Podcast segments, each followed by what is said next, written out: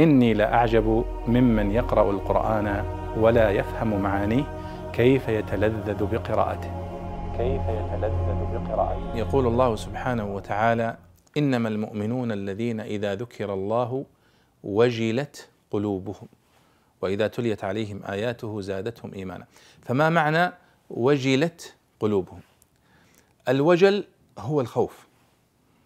وقد وردت آه، في القرآن الكريم في مواضع كثيرة. عندما دخل الملائكة إلى إلى على إبراهيم عليه الصلاة والسلام قال إنا منكم وجيلون يعني خائفون. قالوا لا توجل إنا نبشرك بغلام عليم يعني لا تخف.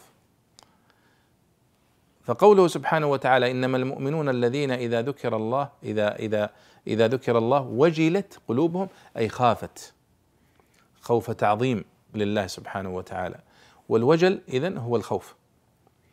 وهو صفة مدح يمدح الله بها المؤمنين الذين إذا ذكر الله سبحانه وتعالى وسمعوا ذكر الله وسمعوا الموعظة وسمعوا الخطبة وسمعوا القرآن وسمعوا الأحاديث التي تذكرهم بالله وتذكرهم بالآخرة وجلت قلوبهم.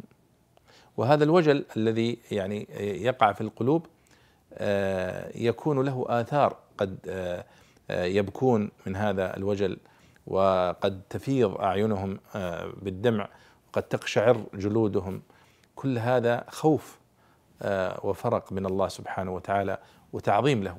نسأل الله أن يعظم في نفوسنا آه، أمره سبحانه وتعالى ونهيه وأن نكون ممن ذكرهم الله ممن إذا ذكر الله وجلت قلوبهم أي خافت من الله سبحانه وتعالى خوف تعظيم وخوف محبة.